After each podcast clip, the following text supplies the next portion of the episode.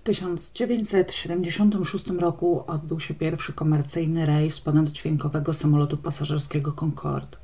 Odbyła się także premiera filmu Carrie na podstawie debiutanckiej powieści Stephena Kinga z genialnymi głównymi rolami Sissy Spacek i Piper Laurie. Ośmiu terrorystów z Organizacji Wyzwolenia Palestyny i zachodnio-niemieckiej frakcji Czerwonej Armii porwało samolot francuskich linii Air France z 258 osobami na pokładzie. Zakładnicy zostali odbici przez izraelski Sayeret Matkal w trakcie jednej z najbardziej brawurowych akcji jednostek specjalnych na świecie, znanej dziś jako Operacja Entebbe. W Nowym Jorku David Berkowitz, znany także jako syn Sama, rozpoczął swoją serię morderstw, zaś Grand Prix Niemiec Formuły I na torze Nürburgring uległ ciężkim oparzeniom austriacki kierowca Niki Lauda. Nad Zagrzebiem na skutek błędu kontroli lotów zderzyły się w powietrzu dwa samoloty pasażerskie. Zginęło 176 osób. W Polsce utworzono przedsiębiorstwo armatorskie Polska Żegluga Bałtycka, a przy Komendzie Stołecznej Milicji Obywatelskiej powstał pierwszy w kraju oddział antyterrorystyczny. Jerzy Pawłowski, mistrz olimpijski w szabli, został skazany na 25 lat pozbawienia wolności za szpiegostwo. W Łodzi otwarto kąpielisko Fala, dziś znane jako Aquapark Fala. Po serii protestów przeciw podwyżkom cen żywności w Radomiu i fabrykach Ursusa oraz represjach, jakie rząd stosował wobec ich uczestników, w Warszawie powstał Komitet Obrony Robotników. W telewizyjnym Studiu 2 odbył się jedyny polski koncert grupy ABBA. Telewizja Polska wyemitowała pierwszy odcinek serialu 07 Zgłoś moim całkowicie prywatnym zdaniem serialu kryminalnego wszechczasów. W fabryce samochodów osobowych na Żeraniu wyprodukowano milionowy samochód. Na szosie z Połańca do Zrębina doszło do zabójstwa ciężarnej Krystyny Łukaszek, jej męża i zaledwie dwunastoletniego brata. Podczas procesu w tej sprawie oprócz morderców skazano też na karę więzienia za składanie fałszywych zeznań kilkudziesięciu świadków. W listopadzie 1976 roku osiemnastoletnia Alina Lenda wracała autobusem ze szkoły zawodowej w Mrągowie, do której uczęszczała. Wysiadła na przystanku w swoim rodzinnym Baranowie koło Mrągowa. Z przystanku miała raptem kilkadziesiąt metrów do domu. Szła ścieżką przez las. Morderca tego dnia pokłócił się z żoną, wypił kilka piw i włóczył się bez celu po okolicy. Kiedy zobaczył Alinę, zaczepił ją, proponując odbycie stosunku. Na początku opierała się, ale w końcu wyraziła zgodę. Sama rozebrała się do naga i zaczęła uciekać. Morderca dogonił ją, przewrócił na ziemię i zaczął dusić dłońmi. Dusząc jednocześnie zaczął ją gwałcić, ale nie osiągnął wytrysku. Alina zmarła. Morderca jeszcze długo głaskał jej ciało, całował w skórek łonowy i wkładał palce do pochwy. Poszedł do domu po rower i na ramię przewiózł ciało dziewczyny bliżej swojego domu, aby mieć ją tylko dla siebie. Zgwałcił jej zwłoki, tym razem osiągając ejakulację. Przyniósł z domu nóż i obciął Alinie lewą pierś, ale nie spodobał mu się widok rany i wydobywający się z niej zapach, więc przyłożył pierś z powrotem i zakopał ciało ze stodołą. Dopiero później okazało się, że morderca był kolegą brata Aliny i że był od niej niewiele starszy. Zaginięcie Aliny milicja uznała za ucieczkę z domu i umorzyła śledztwo. Drugą ofiarę, Barbarę C., również nastolatkę wracającą ze szkoły, morderca zabrał na stopa, kiedy jechał służbowym żukiem do Zalca. Wjechał wtedy w las, wywlókł dziewczynę z samochodu i zaczął gwałcić. Ofiara wyczuła pod ręką jakiś kamień i znienacka uderzyła go w głowę. Wtedy ją udusił, nie przerywając kopulacji. Po chwili ponownie zgwałcił zwłoki i dopiero wtedy osiągnął wytrysk. Przez jakiś czas odpoczywał obok swojej ofiary, wypił butelkę oranżady, w końcu prowizorycznie ukrył ciało i pojechał do domu. Następnego dnia wrócił z łopatą. Chciał ponownie zgwałcić zwłoki, ale uniemożliwiło mu to ich stężenie pośmiertne. Włożył więc do pochwy ofiary butelkę po oranżadzie, którą pił poprzedniego dnia i kopał w jej denko tak, że w całości wepchnął ją do wnętrza ciała. Trzecią ofiarę morderca zagadnął podczas wspólnej podróży autobusem. Była mieszkanką Mrągowa. Posługując się wybiegiem i podstępem, zwabił ją do kotłowni zakładu, w którym pracował jako kierowca. Zaczął ją obmacywać, a kiedy stawiała opór, przewrócił na ziemię, ściągnął majtki i zgwałcił, dusząc w trakcie kopulacji. Przez jakiś czas gładził i całował zwłoki, potem wyszedł coś załatwić, a kiedy wrócił, jeszcze dwukrotnie zgwałcił ciało, za każdym razem doznając wytrysku. Po raz ostatni morderca zaatakował w 1978 roku. Bogusława Chyńc wracała ze szkoły w Mrągowie z przyjaciółką. Tuż za stacją kolejową w Baranowie dziewczyny pożegnały się i Bogusia poszła przez wąwóz do domu. Morderca zaczepił ją właśnie w wąwozie i zaproponował odbycie stosunku. Bogusia odbyła wymuszony stosunek, ale po wszystkim zapytała: No co, ulżyło ci? Co rozwścieczyła mordercę. Później zeznał, że tymi samymi słowami zwracała się do niego żona, kiedy udawało mu się w końcu namówić ją do odbycia stosunku. Udusił Bogusię i zgwałcił jej zwłoki. Jeszcze przez dwa dni powracał do miejsca morderstwa i dwukrotnie gwałcił ciało. W końcu zakopał. W miejscu tego ataku do dziś stoi krzyż z wieńcem, a dzieci z Baranowa wciąż nie lubią tam chodzić. Bliscy Bogusi zawiadomili milicję, ale także na własną rękę przy pomocy sąsiadów rozpoczęli poszukiwania dziewczyny w Mikołajkach i Mrągowie. Szybko odnalazł się świadek, który był pewien, że widział, jak Bogusia wysiadła w Baranowie i po rozstaniu z koleżanką poszła w stronę wąwozu. Na ścieżce wiodącej od stacji do wsi ktoś znalazł dokumenty należące do mieszkańca Baranowa, Wiesława Cieszkowskiego. Przerażony perspektywą linczu ich właściciel wkrótce sam zgłosił się na milicję i przyznał do dokonania czterech zabójstw. Wiesław Cieszkowski urodził się w 1957 roku. Był najstarszym dzieckiem, miał brata i siostrę młodszą o 12 lat. W dzieciństwie był cichy, grzeczny, podporządkowany. Chętnie bawił się z rodzeństwem. Był jednak słaby fizycznie i chorowity, często cierpiał na różne schorzenia dróg oddechowych. Oboje jego rodzice mieli wykształcenie zawodowe. Matka, opisywana jako osoba ciepła i opiekuńcza, ale jednocześnie nerwowa i pobudliwa emocjonalnie, zajmowała się domem i stale przebywała z dziećmi. Stosowała wobec nich kary fizyczne, zdaniem Wiesława nie zawsze konsekwentnie. Ojciec pracował jako stolarz. Był małomówny, nietowarzyski, zamknięty w sobie. Nie interesował się sprawami rodziny, a spośród dzieci zdecydowanie wyróżniał najmłodszą córkę. W domu Cieszkowskich atmosfera była spokojna, między rodzicami rzadko dochodziło do nieporozumień. Nikt nie nadużywał alkoholu, nikt w najbliższej rodzinie nie chorował psychicznie. Natomiast gdy Wiesław był już starszym dzieckiem, jego ojciec został skazany za przestępstwo seksualne. Nie udało mi się dotrzeć do informacji o szczegółach tej sprawy, a ponadto miał romans z sąsiadką, co na dłuższy czas zepsuło atmosferę w domu. Sytuacja materialna rodziny nie była dobra, zajmowali ciemne i ciasne mieszkanie, skąd mogły się brać problemy z układem oddechowym Wiesława. Cieszkowski rozpoczął naukę w wieku 7 lat i do piątej klasy szkoły podstawowej uczył się dobrze, nie sprawiając trudności wychowawczych. Kiedy jednak był w piątej klasie, wyszedł na światło dzienne romans jego ojca i wyniki szkolne Wiesława pogorszyły się, zaczął też wakarować.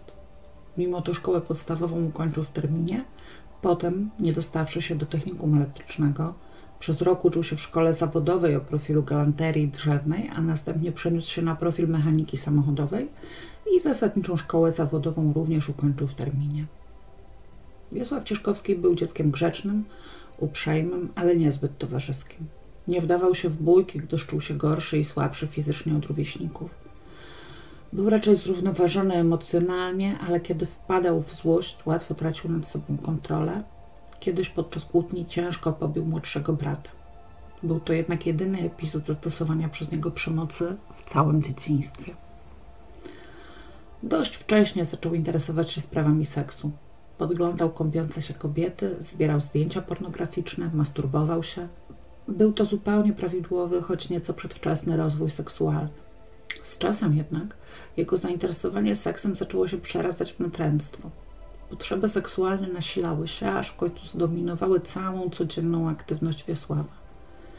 Podejmował kontakty seksualne z przygodnymi partnerkami, nigdy jednak nie miał pełnego stosunku. W tym okresie zdarzało mu się zarówno molestować seksualnie poprzez dotykanie miejsc intymnych młodsze od siebie dziewczynki, jak i gwałcić zwierzęta gospodarskie. Zaraz po ukończeniu szkoły zawodowej ożenił się z Elżbietą. Żona była jego pierwszą partnerką seksualną i była w ciąży jeszcze przed ślubem. Dzięki temu Wiesław, jako jedyny żywiciel rodziny, został zwolniony z obowiązkowej wówczas służby wojskowej. W małżeństwie bardzo szybko zaczęło się psuć. Wiesław twierdził co prawda, że chodziło o charakter żony i jej zdrady. Dużo bardziej prawdopodobna wydaje się jednak wersja przedstawiona przez świadków, według których młodziutka matka nie miała wystarczająco sił, aby sprostać seksualnym wymaganiom małżonka, który do tego całkowicie zaniedbywał rolę ojca i męża. Cieszkowski wkrótce zaczął pić i zdradzać żonę. Nadal zdarzało mu się po odmowie przez nią stosunku pójść do obory i zgwałcić własną jałówkę. Próbował także współżyć ze świnią i kurą. W międzyczasie, pomimo wszystko, urodziło się kolejne dziecko, co jeszcze pogorszyło sytuację, gdyż zajęta dwoma małymi synkami, Elżbieta zupełnie już nie miała dla niego czasu. Za problemami w życiu prywatnym szybko nadeszły problemy służbowe. Wiesław pił. Pod wpływem alkoholu stawał się drażliwy i wybuchowy, w pracy stawał się nieobowiązkowy i niezdyscyplinowany. Co chwila zmieniał pracę, gdyż z każdej kolejnej był zwalniany. Po pierwszym zabójstwie jeszcze bardziej zamknął się w sobie, był ponury i ciągle zamyślony. W rozmowach z kolegami zdarzało mu się komentować zaginięcia. Mówił, że milicja jest niezaradna, a sprawca musi być osobą sprytną i inteligentną. Liczni świadkowie potwierdzili, że brał udział w poszukiwaniach każdej z zaginionych dziewcząt. Ciała żadnej z ofiar nie odnaleziono bowiem, dopóki Ciszkowski nie przyznał się i nie wskazał miejsc ich ukrycia. Oprócz czterech morderstw Wiesław przyznał się także do innych przestępstw, w tym czynów lubieżnych wobec dwóch dziewczynek w wieku 10 i 5 lat. Kilkakrotnie również zaczepiał kobiety, starając się je namówić do odbycia stosunku. Jedną miał zamiar ogłuszyć metalowym prętem. W ostatniej chwili jednak go odrzucił i po prostu poprosił. Kobieta zgodziła się obnażyć piersi i pozwoliła mu ich dotykać, co Cieszkowskiemu wystarczyło. Inna nie zgodziła się na stosunek, ale uzasadniła to i zaproponowała spotkanie w późniejszym terminie. Cieszkowski się zgodził, ale zapomniał o umówionym spotkaniu. Może to i lepiej, bo dziewczyna raczej też się nie pokazała. Jeszcze inna kobieta została jego stałą partnerką seksualną. Cieszkowski prawie zawsze atakował po zmroku. Na podstawie tego, w jaki sposób nawiązywał kontakt z ofiarą, a potem ukrywał jej zwłoki, można go zaliczyć do zabójców zorganizowanych. Co prawda działał z motywu seksualnego, z chęci zaspokojenia swoich wybujałych potrzeb w tym zakresie, ale swoim ofiarom niejako przy okazji zabierał też drobną biżuterię, łańcuszki, kolczyki, którą później ofiarowywał żonie.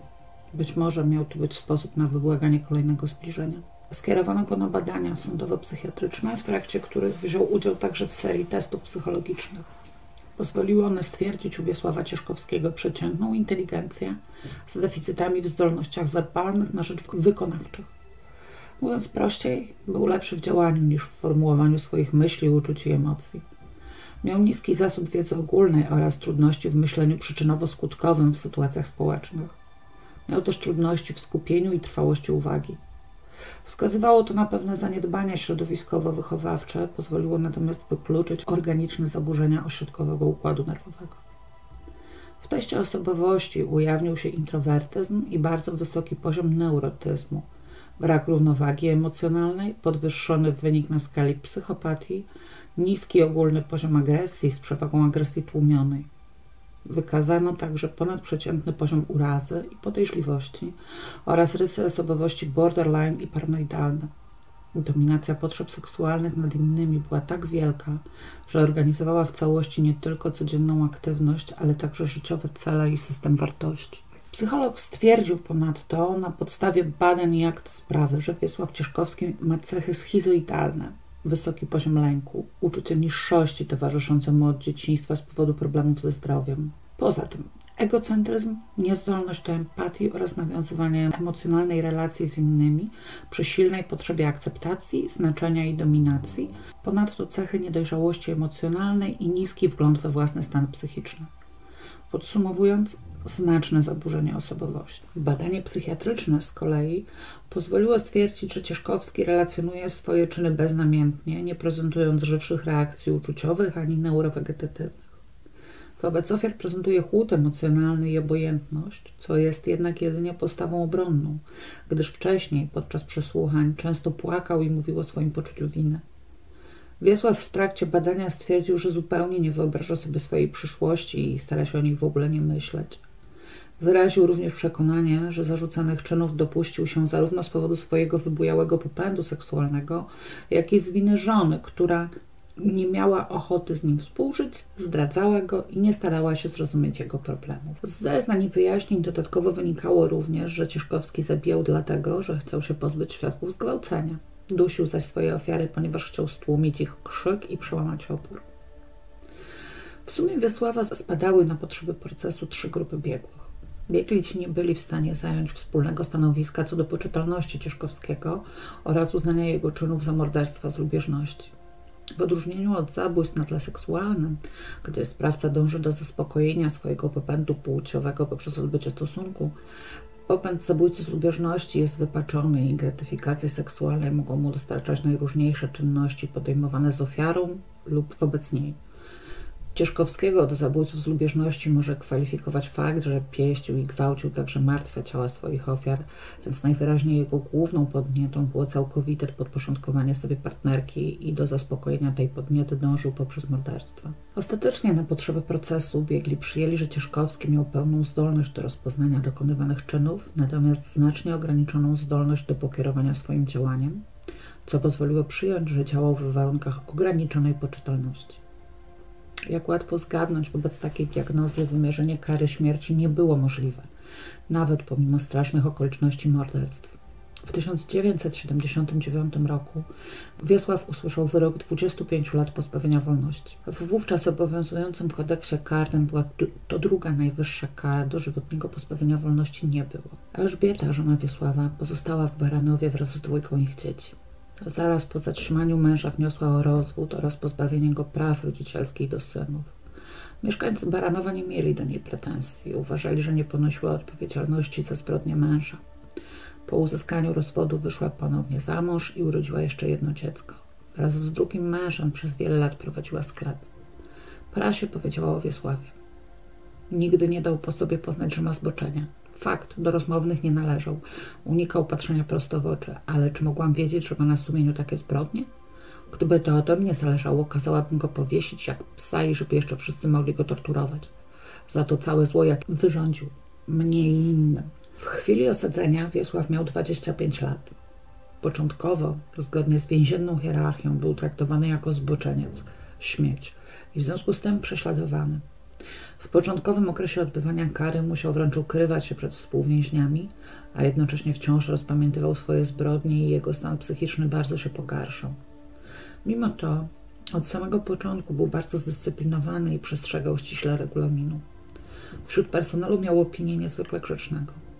Kiedy jakoś zaaklimatyzował się w warunkach izolacji, zaczął uczyć się zawodu stolarza. W fachu tym zdobył uprawnienia mistrzowskie. W pracy był solidny, sumienny i dokładny. Wielokrotnie bez rezultatu starał się o przedterminowe zwolnienie. Kiedy w drugiej połowie lat 90. wyszło na jaw, że korzysta z przepustek, ktoś poinformował prasę, że widział go w rejonie Mikołajek i Mrągowa, że utył i wygląda jak byk i media od razu rozdmuchały tę informację. Został poddany ponownej ocenie sądowo-psychiatrycznej przez jednego z biegłych, którzy opiniowali go na potrzeby procesu profesora Józefa Kagierowskiego z Katedry Psychiatry i Kolegium Medicum Uniwersytetu Jagiellońskiego. Profesor podtrzymał pierwotną opinię, że powrót do przestępstwa jest w wypadku Cieszkowskiego bardzo prawdopodobny i cofnięto mu zgodę na przepustki. Stało się tak tylko i wyłącznie na skutek szumu medialnego.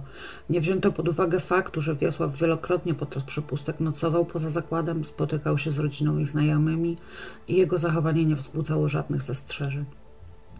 Wcześniej, bo po 13 latach odbywania kary, Wiesława przeniesiono do zakładu karnego w Iławie. Nadal pracował jako stolarz, hodował kwiaty, przez jakiś czas miał też komika i rybki, ale ponownie musiał zmagać się z odrzuceniem przez społeczność więzienną. Pomoc otrzymał z niespodziewanej strony. Kapelan więzienny, ksiądz Kazimierz Tyberski, zaprosił go do prowadzonej przez siebie grupy oddziaływania duszpasterskiego. Sam ksiądz Tyberski, pochodzący z mazurskiej wsi Róg, z wykształcenia murarz, były żołnierz sił specjalnych, śluby wieczyste złożył dopiero w wieku 33 lat. Jego grupa prowadzeniu której pomagali też pozostali kapelani, ojciec Rafał Raus i pastor Piotr Wisełka, na początku miała być po prostu formą aktywizacji osadzonych. Duchowni uczyli ich obsługi komputerów i zachęcali do wybranych lektur. Dopiero z czasem skierowali swoich podopiecznych w stronę aktywności religijnej. Jak wspomina ksiądz Tyberski, inni więźniowie początkowo sprzeciwiali się obecności Cieszkowskiego w grupie i okazywali mu niechęć, ale przekonał ich do siebie spokojnym, czasem nawet zrezygnowanym sposobem bycia i żarliwością, z jaką poświęcał się praktykom religijnym. Współwięźniowie z grupy polubili go i zaakceptowali. Wiesław poświęcił wiele czasu na wykonanie witraży dla więziennej kaplicy, które podobno wiszą tam do dziś. Z czasem, oprócz spotkań grupy, na terenie zakładu karnego ksiądz Tyberski zaczął dla swoich podopiecznych zapraszać gości z zewnątrz. Często były to młode kobiety, studentki, wolontariuszki ze wspólnoty religijnej, których obecność miała za zadanie wpoić osadzonym pewne mechanizmy społeczne. Jedną z nich była Anna Linczerska, która tak opisała swoją znajomość z Wiesławem. Na początku nie wiedziałam dokładnie, co zrobił, ale miał w sobie tyle pokory i chęci do zmiany, że zdobył nasz szacunek i zaufanie – Wiesław się zmienił. Przyjmował sakramenty, pilnował modlitwy, innych zachęcał i namawiał. I mówił mi, że tak chce żyć. Wiesław zdobył zaufanie strażników więziennych. Zawsze potrafił załatwić na nasze spotkanie bombonierkę, jeśli ktoś akurat miał imieniny, nawet raz szampana czy jakieś wino. I oni musieli mu ufać, skoro to dla niego kupowali i przemycali. Wiesław mówił o swoich obawach. Chyba nie przypuszczał, że najciężej będzie mu zmierzyć się z niechęcią i nienawiścią i przetrzymać to wewnętrznie. W ocenie księdza Tyberskiego w kontaktach z kobietami Wiesław był serdeczny, skromny, nie wykazywał żadnych anormalnych zachowań, był troskliwy i opiekuńczy, jakby chciał w ten sposób zrekompensować to, co zrobił. Pomimo diagnozy zaburzeń osobowości, Wiesławowi nigdy nie zaproponowano w zakładach karnych żadnej terapii ani programu leczniczego. Na jesieni 2003 roku zgodził się na przyjmowanie leków zmniejszających popęd seksualny tak zwaną kastrację chemiczną. 15 grudnia 2003 roku odbył swoją karę w pełnym wymiarze 25 lat i został zwolniony z zakładu karnego w Iławie. Po wyjściu na wolność nie mógł kontynuować terapii farmakologicznej, gdyż musiałby opłacić ją sam. Tymczasem zamieszkał z rodzicami i otrzymywał wyłącznie 40 zł zasiłku z opieki społecznej, podczas gdy koszt leków wówczas wynosił 600-700 zł miesięcznie. W związku ze zwolnieniem media znów podniosły szum wokół osoby Cieszkowskiego. Prasa i telewizja zaroiły się od wywiadów z mieszkańcami Mikołajek, Mrągowa, którzy opowiadali, jak bardzo się go boją. Trudno im się zresztą dziwić. W latach 70. szczegóły sprawy wampira z Baranowa zostały mocno cenzurowane.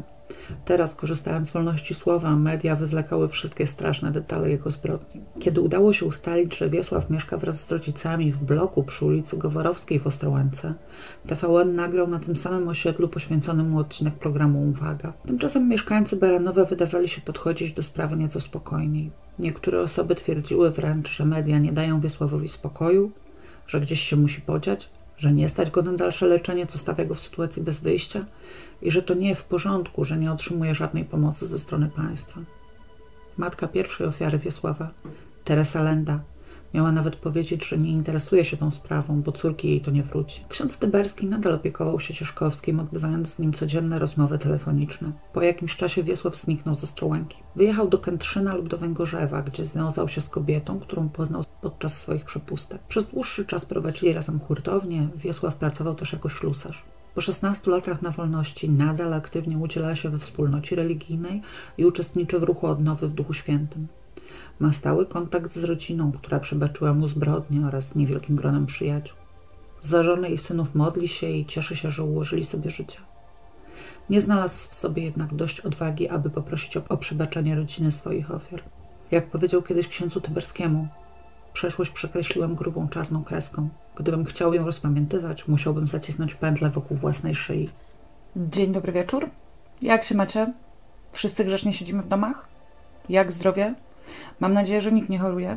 Oczywiście oprócz tego, kim wiem, że choruje i z tego miejsca pozdrawiam mocno. Ja się przeziębiłam, co chyba słychać, ale mam nadzieję, że mimo słabej formy wokalnej zaciekawiłam Was odcinkiem. Nie co dzień w końcu seryjny morderca wraca do społeczeństwa i żyje w nim zgodnie z prawem. Niestety na temat prawdziwego bohatera tego odcinka, czyli ojca Tyberskiego, nie udało mi się odnaleźć żadnych informacji bardziej aktualnych niż ta, że z Iławy został przeniesiony do aresztu śledczego we Wrocławiu, a obecnie pełni posługę jako duszpasterz więźniów i głuchoniemych. I oczywiście najserdeczniej przepraszam wszystkich warmiaków za przejęzyczenie. Wieś Róg, z której pochodzi ojciec Kazimierz, leży na Warmii, nie na Mazurach. Dziś było zwięźle, ale teraz przede mną kolejny bardzo długi materiał, który będzie chyba najcięższy z dotychczasowych.